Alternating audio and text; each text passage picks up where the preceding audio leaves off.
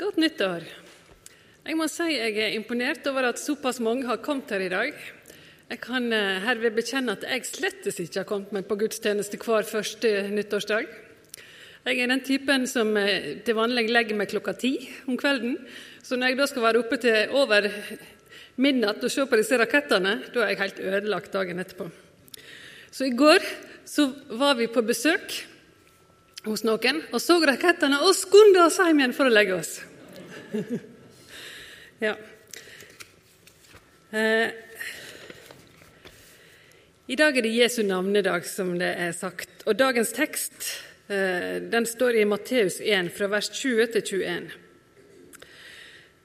Da han hadde tenkt ut dette, synte en engel fra Herren seg for han i en drøm og sa:" Josef, Davids sønn, vær ikke redd å ta Maria hjem til deg som kona di, for barnet som er avla i henne, er av Den hellige ande. Hun skal føde en sønn, og du skal gi han navnet Jesus, for han skal frelse folket sitt fra syndene deres. Før jeg snakker om Jesu navn på Jesu navnedag, så vil jeg stoppe opp ved Jesu jordiske far Josef. For det er jo han som innleder denne teksten. Det står at da han hadde tenkt ut dette Og det han hadde tenkt ut, det var å skille seg fra Maria. I de versene som kommer rett før dagens tekst, så skriver evangelisten Matteus følgende.: Da Jesus Kristus ble født, gikk det såleis til. Mor hans, Maria, var lova bort til Josef, men før de kom sammen, viste det seg at hun var med barn ved Den hellige ande. Josef, mannen hennes, var en rettvis mann og ville ikke føre skam over henne. Han setter seg for å skille seg fra henne i det stille.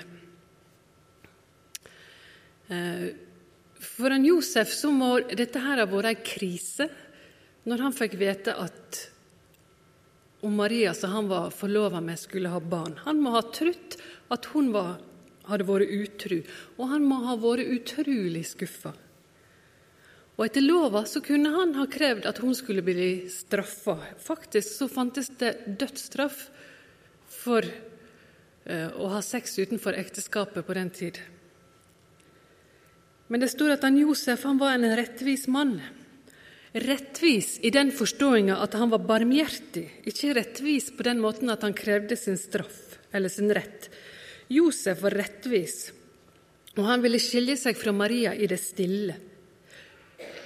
Sånn at hun var fri til å gifte seg med den som da etter all logikk var faren til dette barnet. For han Josef han ville ikke føre skam over Maria. Han ville redde æra hennes. Han Josef han satte hensynet til Maria først. Han ga avkall på sin rett til hevn. Og vi må kunne tolke dette her sånn at han Josef var veldig glad i Maria. Han viste nåde. Men akkurat idet han Josef hadde bestemt seg for hvordan denne krisa skulle løses, så er det Gud griper inn og sender en engel og er det noen som kan ha et behov for en engel i verdenshistorien, så er det nå vel han Josef. For det ville ikke hatt samme effekt, vil jeg tro, hvis det var Maria sjøl som kom og sa jeg er med barn, og barnet er blitt unnfanget av Den hellige ande. Det ville vært vanskelig å tro for en alminnelig mann. Så Josef hadde behov for en engel som kom. Men når engelen kom og sa dette her, så trodde han Josef. Han Josef var en rettevis mann. Og Det er interessant å se hvordan engelen tiltaler han Josef. Han sier 'Josef, Davids sønn', for Josef han er av kongsætt. Og Ved å understreke dette så viser på en måte engelen han Josef ære. Ofte så blir det sagt at uh, han Josef har spilt andrefiolin, og han er nå liksom en sånn statist i den store julefortellingen. Men Josef var ikke en statist. Han var en skikkelig bra mann som fikk et utrolig ærefullt oppdrag. Han skulle være Jesu jordiske far. Og Når da engelen kommer og sier hva Josef skal gjøre, så setter han Josef igjen sine egne behov i andre rekke. Ikke minst behovet for å beskytte sitt eget navn og rykte. For hva ville folk si når Maria allerede var gravid? Han måtte legge fra seg frykta for hva folk ville si om han. Han måtte legge fra seg frykta for å bli håna og utledd. Vær ikke redd, sa engelen, men det var jammen lettere sagt enn gjort. Men den rettferdige Josef han gjør det som han får beskjed om, og han tar Maria hjem som kona si. Og fra det øyeblikk den avgjørelsen var tatt, så står han Josef som en bauta ved siden av hun Maria.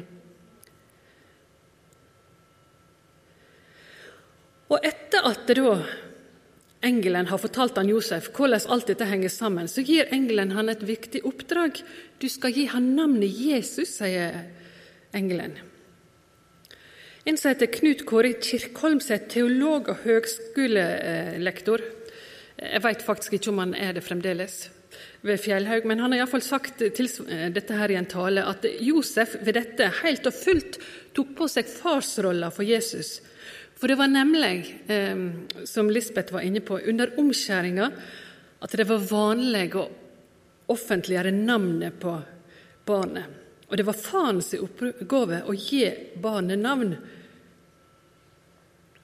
Og I Bibelen så ser vi gang på gang at navngjeving markerer ansvar og herredømme. Så ved å ta på seg ansvaret for å gi navn til gutten, så sier Josef også ja til å være faren hans. En kan bare spekulere på hva følelser han eh, hadde i forhold til dette her. Men han Josef han gjør det som var rett. Han Josef var en rettvis mann. Han Josef han står fram som et ekte mannfolk, og det kan hun Maria ha hatt bruk for. Hun som skulle føde sønnen sin i en stall, og som absolutt kunne trengt noen som beskytta henne. Og hun som snart skulle legge ut på ei farefull ferd til Egypt og så trengte en god mann ved sin side, gjennom ørkenen som flyktning.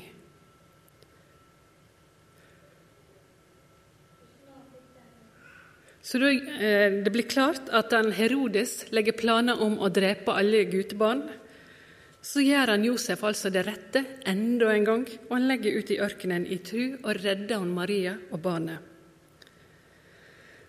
Og Når jeg leser om Josef, så danner det seg et bilde av en mann som ikke lar seg overvelde eller sette ut av spill av omstendighetene. Vi møter en mann som er rettferdig. Vi møter en som, kan, som møter det som kan se ut som svik, med barmhjertighet, og som har vilje til å gjøre det rette. Vi møter en som setter egne behov til sides, som ikke bryr seg om hva folk syns om han, en mann som viser mot både først da han bestemmer seg for å skille seg fra Maria i det stille for å redde æra hennes, og seinere da han bestemmer seg for å ta henne hjem til seg. Han visste ikke rekkevidda av alt dette her. Han hadde ikke oversikt over konsekvensene, men han bestemmer seg for å gjøre det som er rett. Og ikke minst så møter vi en mann som er overgitt til Gud, for det var ganske dramatiske ting han fikk beskjed om. Men han Josef var en rettvis mann som stolte på Gud, som la livet sitt i Guds hender. Eh, etter denne høsten, der metoo-kampanjen har dominert overskriftene, så er det flott å stoppe opp ved en mann som han Josef. En sterk og trygg og rettvis mann. En mann som står som en bauta og gjør det som er rett. Denne metoo-kampanjen tenker jeg har vært helt nødvendig for å rydde opp i et uvesen. Men jammen er det godt gjennom denne fortellinga om Josef om å bli minnet på det vi strengt tatt veit, at det fins mange gode mannfolk. De fleste er sånn. Og en Josef han bør være et forbilde for de alle. Så, da åtte dager var gått og barnet skulle omskjæres, så kaller de han altså for Jesus. Jesus, det betyr frelser. I dag er det født en frelser i Davids by. Han er Messias, Herren, sa engelen. Ehm. Jeg er ingen teolog, så alle disse navnene, hva de betyr på gresk og hebraisk, og alt mulig sånn, det har jeg eh, minimal innsikt til. Men jeg har søkt meg fram til at Kristus er gresk av den jødiske tittelen Messias, og at navnet Jesus Kristus uttrykker de truende sin tidligste trosbekjenning. Jesus Kristus, det betyr Jesus er Messias. Jesus han blir omtalt med mange navn og titler i Bibelen. Eh, han er, som vi vet, sønn av Josef og sønn av Gud, som vi har hørt om her. Og Han blir kalt vintre og livets brød og ordet og lammet og hyrde og lys og fredsfyrste og menneskesønn og rabbi og tjener og løven av Juda. Og Alle disse navnene sier noe om side ved Jesus. Men det navnet han fikk da han ble omskåren, det var altså Jesus, som betyr frelser. På den tida da han var født, så venta jo eh, israelsfolket på en frelser, men det var mer i politisk betydning. Eh, en militær og politisk eh, frigjører som skulle kaste ut romerne og opprette et nytt rike. Men det var ikke det Jesus kom som. Han kom for å frelse folket sitt fra syndene deres, som det står i teksten. Og Jeg har tenkt en del på dette ordet 'frelse'. Det er et stort ord. Det rommer voldsomme ting. Frelse det er noe vi trenger når ting er i ferd med å gå absolutt skikkelig gale. Så gale at vi ikke klarer å komme oss ut av det med egen kraft. Når vi trenger å bli redda. Da er det vi trenger å bli frelst. Når vi er kommet i en situasjon som er så ille, så kritisk, at vi ikke veit vår arme råd. Og så har jeg tenkt på når var det jeg sjøl trang å bli redda? Og det jeg kom på det var da eldste sønnen vår skulle bli født, og fødselen hadde vart i over et døgn, i 26 timer, og han stoppa opp. Og jeg fikk feber, og jeg, jeg opplevde det ganske kritisk. Da var jeg redd. Men da plukka de ut dette barnet med keisersnitt, og jeg hadde absolutt en følelse av å bli redda.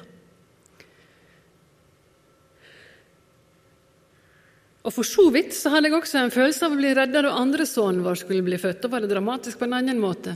For Da bodde vi i Alta og skulle til sykehuset i Hammerfest, og sto plutselig fast i snøstorm midt på, eh, på Finnmarksvidda, enda det var i mai og folk sa at det var ikke noe å bekymre seg for, for på den tiden skulle midnattssola skine.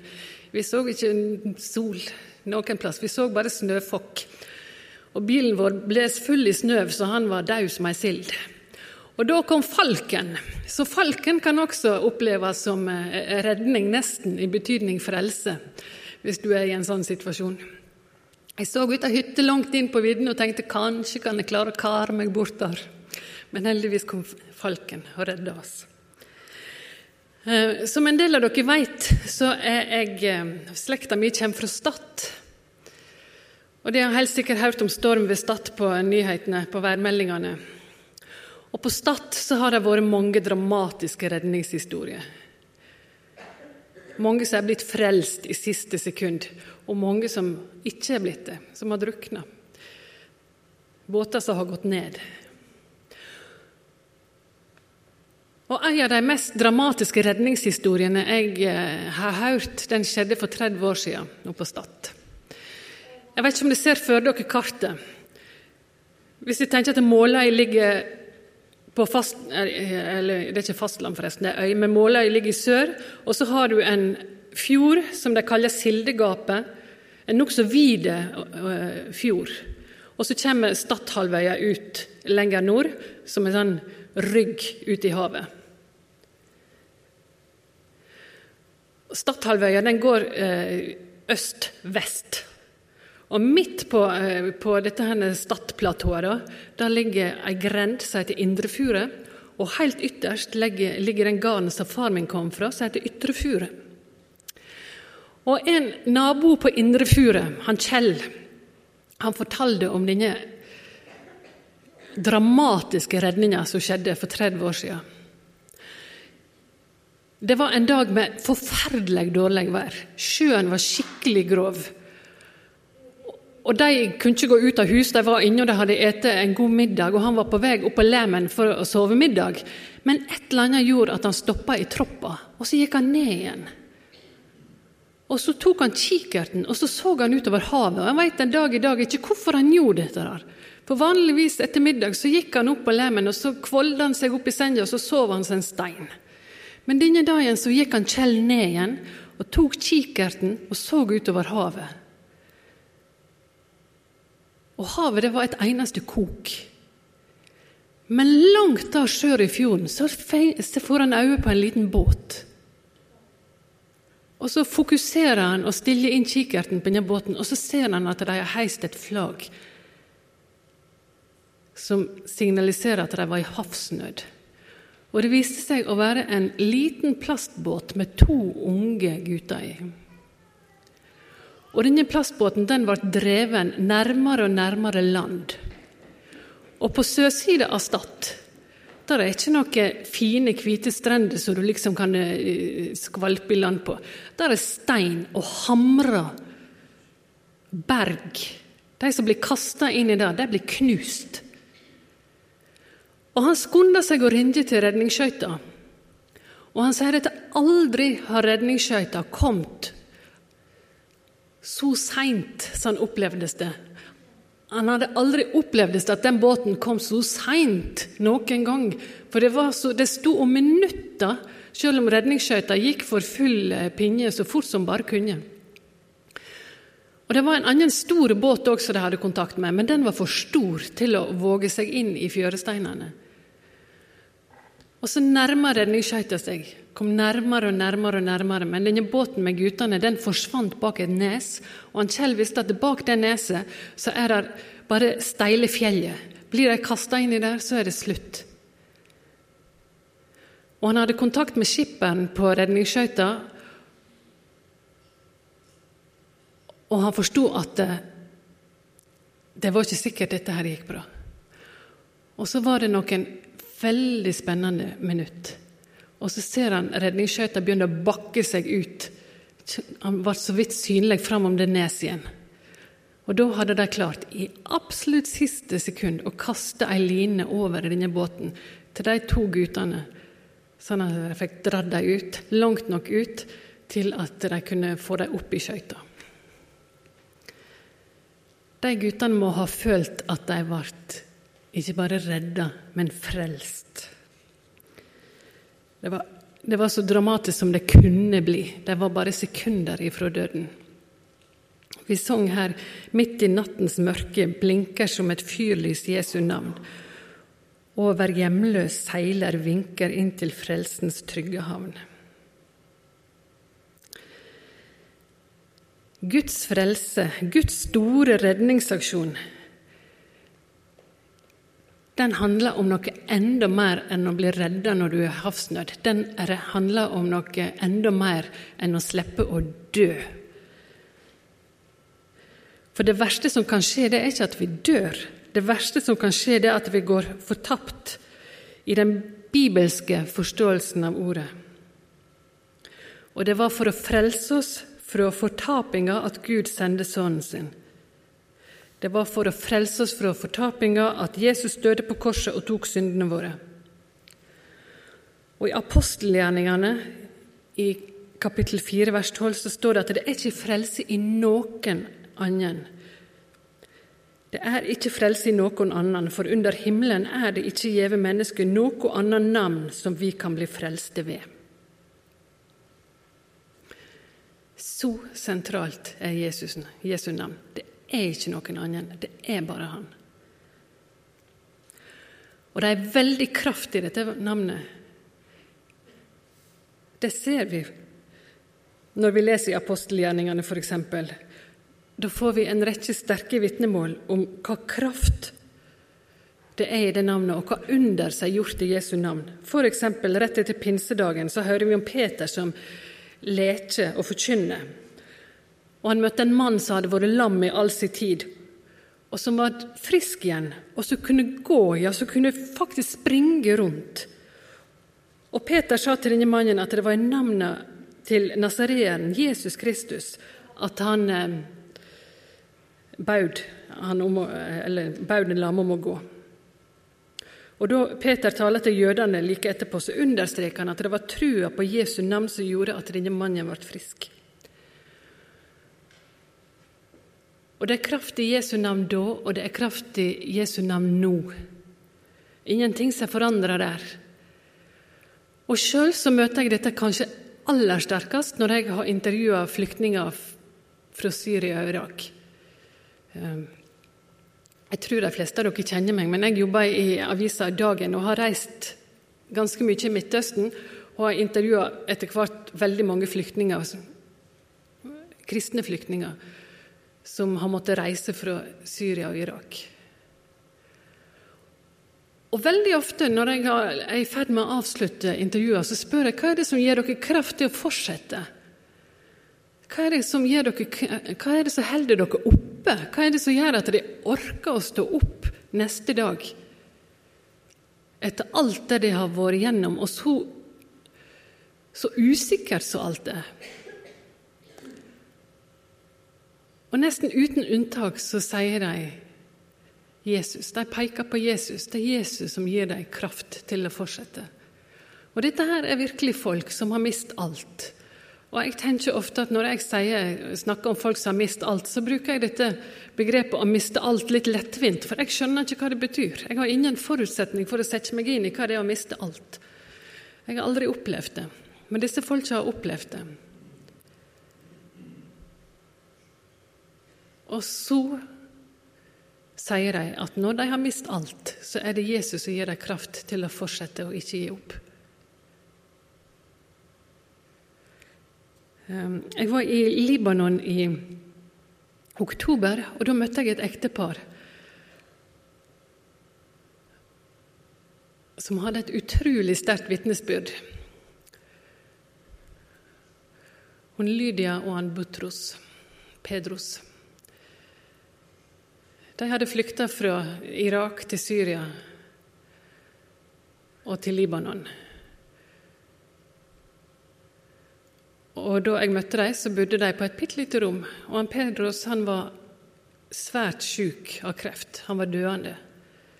Han var helt Han var kritthvit i ansiktet. Det var mørke, nesten svarte ringer rundt øynene. Han så ut som han hadde en fot inn i døden allerede. Og Likevel så var det en sånn utrolig fred i dette rommet. Og Lydia fortalte om livet deres hvor tøft det hadde vært. Han Pedros han hadde gjort tjeneste i krigen mellom Iran og Irak og Gulfkrigen. Og det, det var, hadde vært et liv med veldig mye prøvelser. Og så spør jeg hva er det som gir deg kraft til å fortsette. Og da sier hun det er Jesus. Jesus er min venn. Hans nåde er nok for meg, sier hun. Og så sa hun at han, eh, hun fleipa nesten og sa at han Pedros han, han, sier at jeg har fått så mye nåde at jeg nesten ikke fortjener det. Eh. og Lydia hun opplevde at selv om hun da hadde mistet alt Hun hadde brukt alle pengene hun hadde med seg på medisin og pleie til han Pedros. Og Likevel så var hun helt fri for bitterhet. Og utstrålte en sånn glede og kjærlighet til Jesus. Hun var så glad i Jesus. 'Jesus er min venn.' Alle spør hvordan jeg kan eh, holde ut, sa hun. Men, men Jesus er min venn, og det holder, det, sa hun. Det er nok.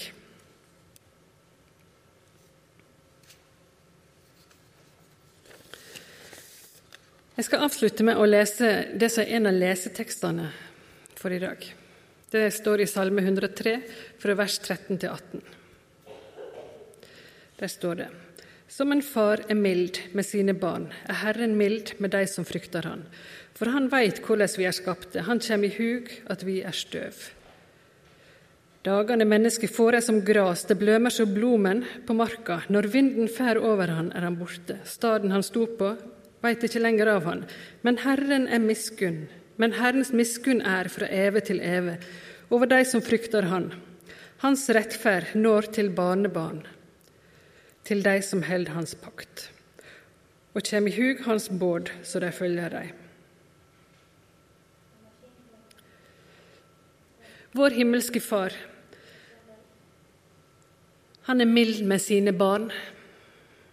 Hans miskunn varer fra evig til evig. Hans miskunn er så stort at han sendte sin eneste sønn for at vi skulle bli frelst.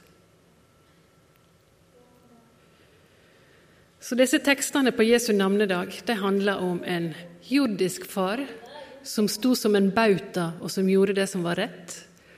Og det handler om en himmelsk far som gjorde det ytterste offer å sende sin sønn for å redde oss, for å få fellesskap med oss, for å gjenopprette det som var brutt.